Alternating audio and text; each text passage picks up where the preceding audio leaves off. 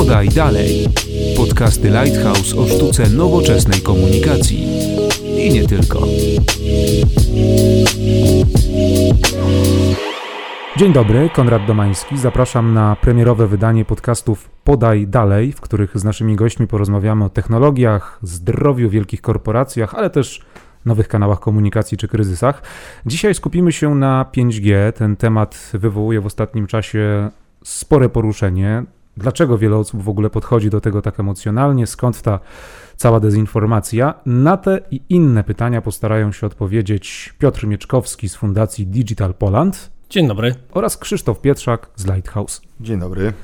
Panowie, zacznijmy od tego, czym w ogóle jest to głośne 5G. 5G ja bym nazwał ewolucją przede wszystkim. Jest bardzo dużo mitów, które tutaj narosły.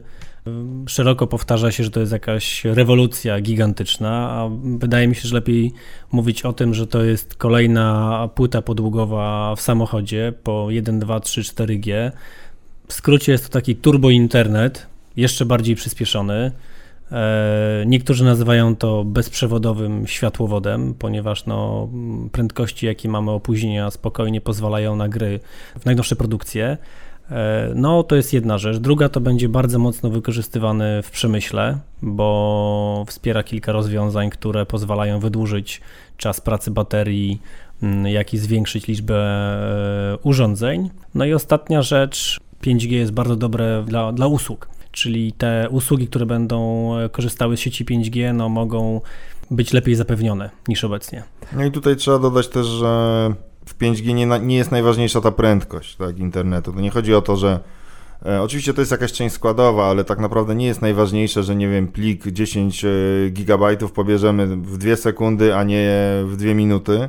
Tylko najważniejsze jest po pierwsze opóźnienia, a po drugie liczba podłączonych urządzeń do jednego, do jednego powiedzmy urządzenia nadawczego, tak? I tak jak teraz te duże maszty BTS-y obsługują kilka tysięcy czy kilkadziesiąt w skrajnych przypadkach e, tysięcy podłączonych urządzeń, no to przy 5G mówimy tu o milionach czy o dziesiątkach milionów, tak? To w przypadku, kiedy chcemy rozmawiać o nie wiem, smart cities, o jakichś autonomicznych pojazdach, o usługach takich, które naprawdę potrzebują minimalnych opóźnień, jak nie wiem, operacja na otwartym sercu przeprowadzona w karetce przykładowo, tak? Czy nawet takie prozaiczne, jakaś e, na żywo, bardzo zaawansowana technicznie transmisja sportowa, tak? Gdzie będziemy mieli dostęp na żywo do wszystkich stacji i tak dalej, to tu najważniejsze są opóźnienia, tak? Bo kiedy, wyobraźcie sobie, kiedy macie, nie wiem, operację właśnie w karetce, jesteście w Warszawie, a lekarz jest w Elblągu, no to każde opóźnienie może się skończyć e, bardzo nieprzyjemnie. Tak? I jakby to, to jest 5G, to jest cały szereg nowych usług, o których teraz nawet nie myślimy, no bo po prostu technologia bezprzewodowa nam na to nie pozwala.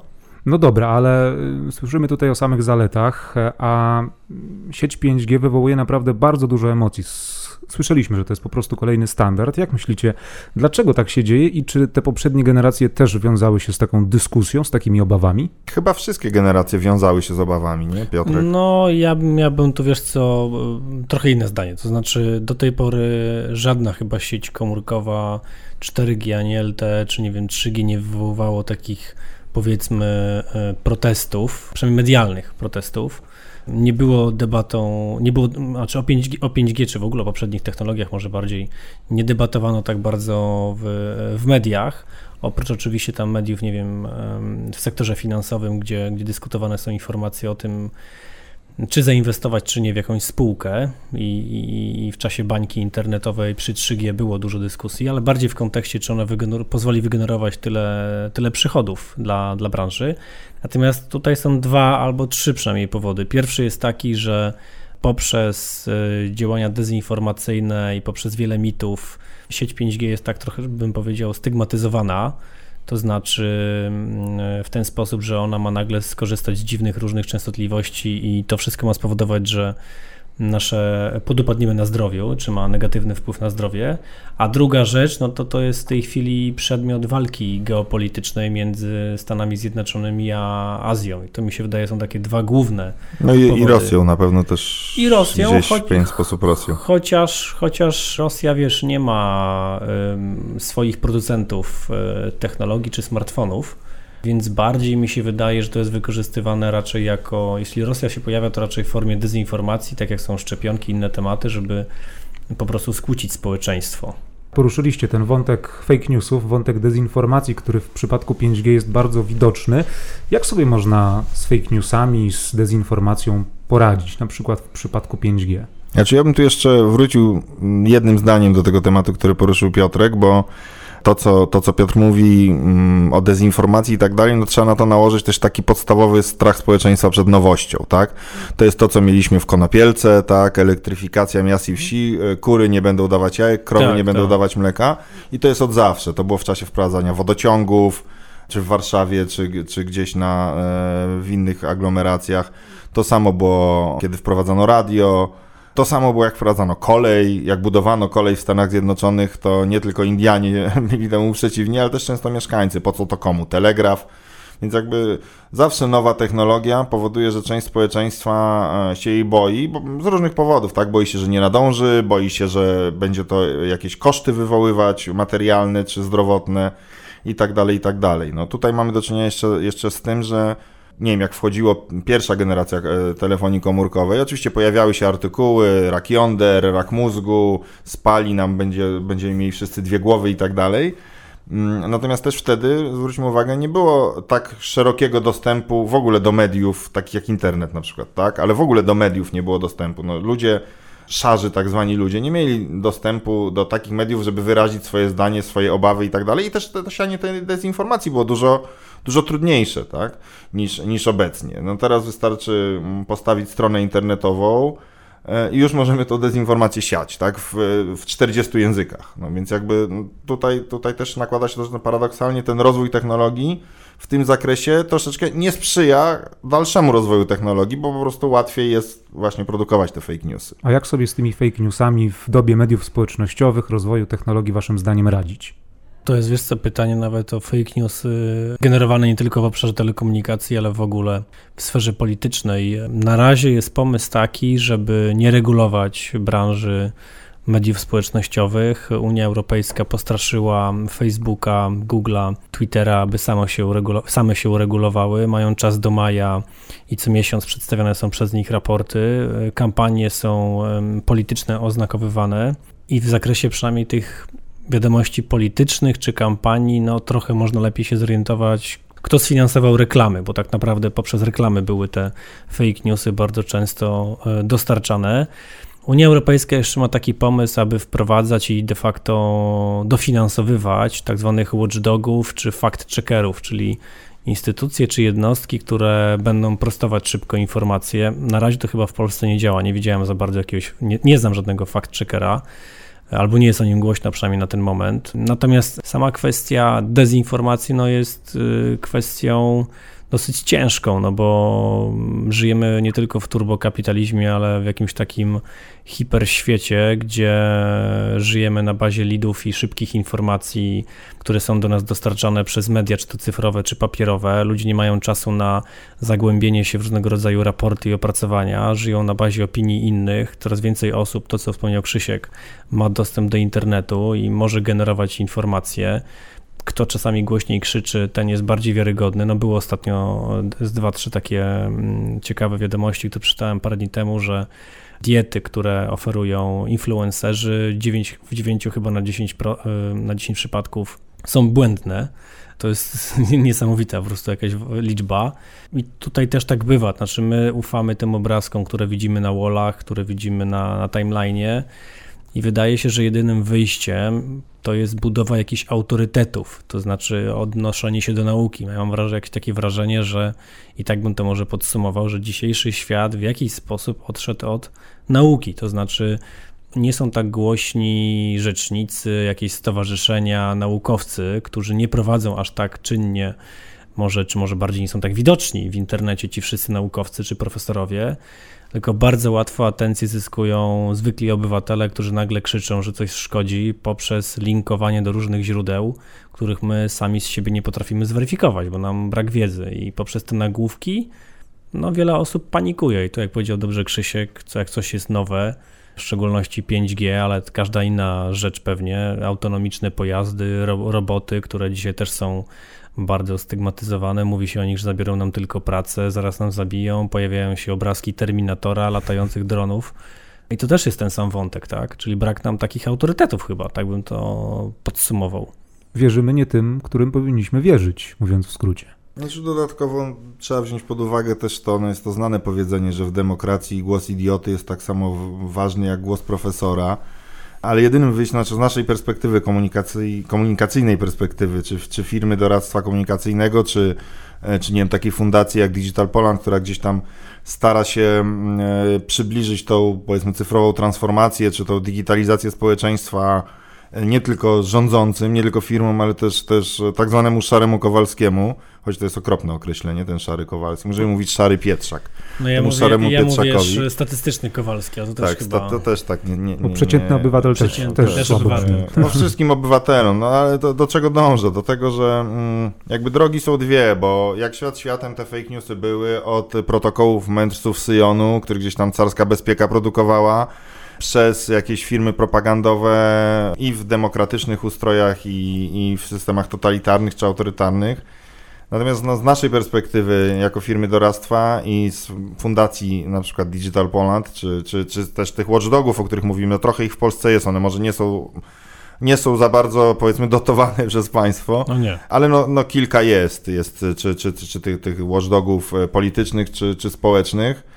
No ale to są jakby dwie drogi. No jedna to jest właśnie wspieranie takich organizacji, a druga to jest edukacja obywateli, tak? Bo nie tylko obywateli, edukacja obywateli i no, powiedzmy nie chciałbym powiedzieć rządzących, tak? Ale no ostatnio, ostatnio widzimy, że też w parlamencie ta edukacja jest potrzebna i nie tylko.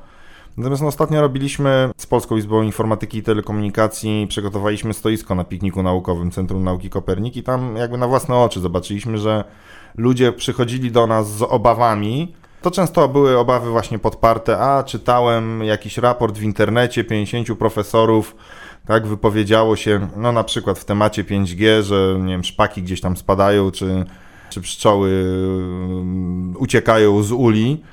No i to, to my, my, prowadzimy taki prosty fact-checking. Znaczy, my mamy dostęp do większości tych materiałów, bo one krążą w internecie i na przykładzie tego właśnie raportu podpisanego przez 50 profesorów. Znaczy, łatwo nam jest udowodnić, że wśród tych profesorów akurat nie ma żadnego fizyka na przykład, tak? Mm, nie mówiąc o fizyku medycznym. I jakby taki prosty fact-checking prowadzony na stoisku na żywo z tymi ludźmi też nam pokazał, że ludzie chcą słuchać, chcą się dowiedzieć, tylko nie zawsze mają narzędzia, więc to ale jest widzisz, jakby... ale widzisz się, tu jest właśnie sedno. Zobacz, taki piknik, który uważam, to jest fajny pomysł, bo to właśnie, w ogóle ta idea pikniku naukowego mi się podoba. Tak, no to było fantastyczne wydarzenie. Tak, tak, natomiast e, zwróć uwagę na, na dosyć ważną rzecz, że mając takie stoisko na pikniku, docierasz do tysiąca, dwóch, trzech, pięciu, nawet niech to będzie dziesięciu tysięcy osób. A generując e, informacje błędne, no de facto dezinformacje, bo to jest celowe działanie, e, docierasz do milionów i teraz nie ma takiego e, formatu w postaci e, fizycznym świecie, no chyba, że jakieś orędzie do narodu prezydenta, żeby tak prosto... No to do... też trafi tylko do jego też... wyborców, tak? tak? Jego, jego no przeciwnicy no, tak. jakby ocenią to w zupełnie odwrotny sposób. Dlatego ja na przykład uważam, e, mimo że platformy przed tym starają się odżegnać i jakby nie chcą tutaj brać odpowiedzialności żadnej na siebie, ja uważam, że internet, w ogóle świat cyfrowy jest już tak e, zakotwiczony w naszej codzienności, że powinien być regulowany. I nie chodzi mi o nowe jakieś potężne regulacje, ale o nawet proste regulacje w zakresie odpowiedzialności za treści, tak? Tak jak jest platforma jakaś handlowa odpowiedzialna za podróbki na, na, na platformie aukcyjnej, no to uważam, że bardzo prosto powinna być możliwość zdjęcia naprawdę nierzetelnych e, materiałów zrobionych celowo, bo czym innym jest, jak ktoś zrobi coś dla beki, czyli zrobi sobie tam jakieś przysłowiowe jaja. Jakiś viral. Jakiś viral i tam się z czegoś ponaśmiewa, to ja to rozumiem i jakby to też jest ciężkie do, e, do oceny, co jest viralem i e, dla, dla, dla, dla śmiechu, a czym, czym jest pozycja taka no, prawdziwa, ale tym bardziej te pozycje prawdziwe, celowo dezinformacyjne powinny być zdejmowane. Natomiast wyzwaniem jest znowu, że tych treści, które są zgłaszane do zdjęcia z tych platform jest dużo i te firmy, no, media społecznościowe w szczególności, no, muszą zatrudniać tak zwanych cleanerów, którzy czyszczą ten, ten internet. No, ale tu jest kolejny problem, jaki algorytm użyć i e, jakie polityki stosować, aby tą demokrację zachować. No i to jest też nie, niełatwa rzecz, bo to de facto firmy prywatne regulują e, nagle sferę wypowiedzi. No niełatwa sprawa. No tak, i tu jeszcze dochodzi to, że no nie mamy, nie mamy panświatowego rządu, który coś takiego wprowadzi, tak? Znaczy wprowadzenie takich uregulowań, nie wiem, w Unii Europejskiej plus Stany, Kanada, powiedzmy ten kraj tak zwany zachodni, okej, okay, fajnie, no ale patrzmy, Rosja, Chiny, Indonezja, Indie, Pakistan, e, to znaczy będziemy blokować treści stamtąd, czy jakby czy Google będzie zobowiązany do, do tego, żeby fakt czekować treści, treści z, z Pakistanu napisane po polsku czy po angielsku, no jakby to jest... E, znaczy ja myślę, że gdybyśmy mieli odpowiedź taką jednoznaczną na pytanie, jak tak walczyć... będzie, ale wiesz, to tak będzie. Tak będzie, według mnie, tak będzie. Właśnie czytałem artykuł parę dni temu na temat nowego prawa pornograficznego, mm. Które będzie... Antypornograficznego. Antypornograficznego, no tak, anty de facto, które będzie wprowadzone... No to jest propozycja w Wielkiej Brytanii, bo może najpierw wyjaśniając, w Wielkiej Brytanii jak chcesz korzystać z treści porno w internecie, musisz się zweryfikować, że masz 18 lat. Tam nie ma dowodu, więc trzeba, nie wiem, mieć kartę kredytową, e, dostarczyć ją, w sensie podać numer. Wiek będzie zweryfikowany przez dostawcę internetu, co też nie jest dobre, bo gospodarstwo domowe używa jednego internetu i to rzutuje na wszystkich de facto, i na dzieci, i na, na żonę, i na, na siebie. E, natomiast e, oni teraz właśnie o tym rozmawiają, że mm, adresy IP będą sprawdzane, czyli de facto te platformy będą się różnić e, na bazie tego, skąd się łączysz. Czyli jak będziesz się łączył właśnie z terenu Wielkiej Brytanii, znaczy w ogóle z Unii, z terenu no tak, w tym wypadku Wielkiej Brytanii, no to będziesz miał de facto trochę inny YouTube, nazwijmy, tak? Znaczy YouTube nawet nie YouTube, bo tam treści porno nie ma, ale inny internet, w szczególności będą inne mechanizmy na tych serwisach pornograficznych zaimplementowane, tak? No tak, tylko tutaj, wiesz, znaczy z treściami, e, z treściami porno, czy takimi treściami stricte dla, skierowanymi do osób dorosłych, jakby sprawa jest troszeczkę prostsza, bo to nie jest fake news. Znaczy, no mamy tak. zwolenników pornografii, miłośników pornografii czy pornofanów, e, ale jakby ich argumenty, słuchajcie, one są obalone od razu tu w tym przypadku przez to, że musisz się uwiarygodnić e, jakimś ID, tak? I okej, okay, kochasz te treści, masz do nich dostęp, tylko musisz pokazać, że jesteś dorosłym człowiekiem. Jedynie wchodzą tutaj kwestie prywatności, no tak, bo to jest tak może ja nie chcę koniecznie pokazywać, że, że kocham strony porno, tak? Natomiast w przypadku fake newsów, ta, e, ludzie, którzy im ulegają, pewnie jakimś fake newsom wszyscy ulegamy, tak? A to na pewno. E, natomiast ci ludzie, którzy, te, te najbardziej groźne powiedzmy dla społeczeństwa fake newsy, czyli kwestia szczepionek, e, czy antyszczepionek, kwestia, no w tym wypadku no, trzeba powiedzieć, no 5G. A, ale, też, rzeczy, po, ale które, też polityczne ale fake też newsy. polityczne, no to jakby ludzie, którzy im ulegają, jeżeli im autorytarnie regularnie odbierzesz dostęp, bo to fake news, no to jakby zbudujesz sobie armię, wiesz, zbudujesz sobie być może drugi internet zaraz gdzieś tam, może dystrybuowany na kartkach, tak? Ale stworzysz sobie armię ludzi, którzy będą, wiesz, w drugim obiegu te treści i być może one jeszcze będą miały większe rażenie, bo wiesz, jak coś jest zakazane, znaczy ktoś coś ukrywa. Big Pharma ukrywa, nie wiem, koncerny telekomunikacyjne ukrywają przed nami prawdę. Już teraz mamy z tym trochę do czynienia, tak? To znaczy, Mm, zobacz, co się dzieje, jak mm, nie wiem, rząd ten czy poprzedni gdzieś tam się wypowie na przykład na temat szczepionek i wypowie się tak, że ministrowie zdrowia zazwyczaj jednak są zwolennikami szczepienia populacji. E, przynajmniej nie, nie, nie kojarzę takiego ministra zdrowia mhm. w tych 25 latach, który byłby przeciwnikiem. I wystarczy, że któryś minister zdrowia gdzieś, nie wiem, na trybunie sejmowej czy, czy w jakimś wywiadzie opowie za szczepionkami, jakby on trafia do tej szufladki, wiesz, naszego wroga po prostu, tak? Wroga nas, bo chce zdepopulować tam polskie dzieci i tak dalej. I, I w przypadku szczepionek to mamy. Już teraz mamy to, że, że te materiały antysz, antyszczepionkowe, one nie są tylko dystrybuowane na stronach internetowych. To już chodzi gdzieś po przedszkolach, mamy sobie czasami dają te ulotki, no bo w internecie nam zablokują, tak? No bo Facebook zaczął gdzieś tam z tymi ruchami walczyć, YouTube. Więc to zaczyna się utrudnianie i wchodzi ten drugi obiekt, tak? Czyli dystryb- wracamy do, do, do, wiesz, do lat 80., jakichś powielaczy i, i takich historii. To jest jakby główna przyczyna, dla której ta walka z, z fake newsami jest, e, no jest tak utrudniona, tak? No szczególnie, że no nie mamy, nie mamy, znaczy w wielu krajach jest tak, że rządzący chętnie by blokowali te fake newsy, które jakby im e, nie sprzyjają, ale z drugiej strony te rzeczy, które też są w rozumieniu normalnego człowieka, normalnie myślącego, też są mało wiarygodne, ale sprzyjają temu aktualnie rządzącemu ugrupowaniu gdzieś tam, nie chcę mówić w Polsce, ale gdzieś tam w odległym kraju, no nie są traktowane jako fake newsy, tylko jako w najlepszym wypadku wiarygodne plotki, tak? Mhm. I to jest też problem, że jakby nie mamy konsensusu, co to jest fake news, tak? No, przykład Donalda Trumpa. On, on mówi o bardzo wielu rzeczach fake news. Cała druga strona sceny politycznej Stanów Zjednoczonych uznaje to za udokumentowane fakty, tak? Wiecie, to jest tak jak w przypadku no, fake newsy, mity. E, jeżeli no tak, zaczynamy tak, tak. mocno edukować w jakimś temacie, na przykład w temacie 5G, no to pojawia się ta druga strona, która twierdzi, że chyba coś mają za uszami, skoro tak edukują i tak nas chcą przekonać, że komórka nie usmaży nam mózgu, nie wiem, smartfon nie wybuchnie na stacji benzynowej. No można by ich tak dużo, dużo powielać i ludzie się po prostu zaczynają jeszcze bardziej obawiać nawet czasami. Znaczy, jak w przypadku 5G to dochodzi ten dodatkowy problem, że po pierwsze sama nazwa 5G i 4G, 3G jest troszeczkę niefortunna, bo sugeruje, że to jest jakaś nowa generacja, nowe pokolenie, tak?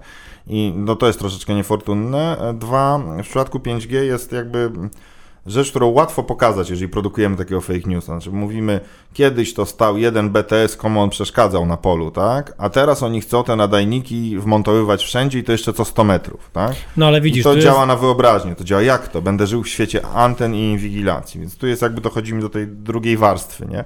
I dopiero, mówię, no te działania edukacyjne, które, które no są prowadzone e, przez, przez, przez firmy i organizacje, które chcą mm, gdzieś tam digitalizować to społeczeństwo, Dopiero una, no, uwidocznienie, tak, tak. uwidocznienie tego, że ten nadajnik jest e, tysiąc razy mniejszy, tak, i nadaje z dużo mniejszą mocą i tak dalej, no to, to jakoś działa, ale no, nie, nie, ciężko jest nabrać skali przy takich działaniach, tak jak Piotrek powiedział. Trochę zeszliśmy na poziom społeczności lokalnych i nawet dobrze, bo chciałem z wami delikatnie o tym porozmawiać. Porozmawiać o tym, w jaki sposób można komunikować się z osobami, które z jednej strony twierdzą, w jaki sposób rozmawiać z osobami, które z jednej strony twierdzą, że strasznie wolno chodzi im internet w smartfonie, nie mają dobrego zasięgu, a z drugiej nie chcą właśnie w tym lesie anten mieszkać, nie chcą mieć gdzieś masztu blisko siebie.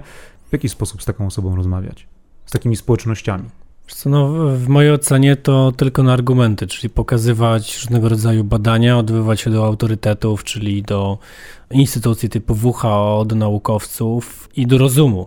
Jakby jak najmniej wydaje mi się polegać na emocjach i wyjaśniać trzeba zjawisko i powoływać się jak na najbardziej niezależne instytucje, tak? Czy to rządowe, czy instytucje jakieś think tanki. Im więcej niezależnych podmiotów o tym mówi, tym e, łatwiej przekonać. Druga rzecz to, bo to właściwie e, wy na tym lepiej się znacie, ale to, co było na tym pikniku, widać dobrze, no to właśnie prze, przełożenie tego na prostą rzeczywistość wokół e, Kowalskiego, czyli jak to na niego wpływa, jak, jak to może wpłynąć, jak nie wpływa, jakie ma korzyści, ale z jego punktu widzenia, właśnie nie rozmowa typu 5G czy tam e, super turbo szybki internet, tylko tutaj e, kwestie związane, nie wiem, z, z niedziałającymi aplikacjami na smartfonie na przykład, coś takiego prostego, które by każdy z nas de facto zrozumie. No w przypadku 5G, a nawet szeroko pojętych technologii, w grę wchodzi niestety też polityka, bo przecież ktoś tę całą infrastrukturę musi przygotować, ktoś te technologie musi dostarczyć i to sprawia, że mamy do czynienia z widocznym pojedynkiem, po pierwsze między dużymi koncernami, ale po drugie to mamy do czynienia z pojedynkiem e, mocarstw, co nawet widać w ostatnich dniach w mediach i nie tylko w mediach. No tak, właśnie temat, to, to co mówiliśmy na początku, że temat 5G wybrzmiał e, w mediach z dwóch powodów. Po pierwsze, w związku e, z tą dezinformacją strony rosyjskiej, co jest udokumentowane i o czym pisał niedawno nawet New York Times, ale inne też wielkie um, gazety o, o dezinformacji generowanej przez Russia Today.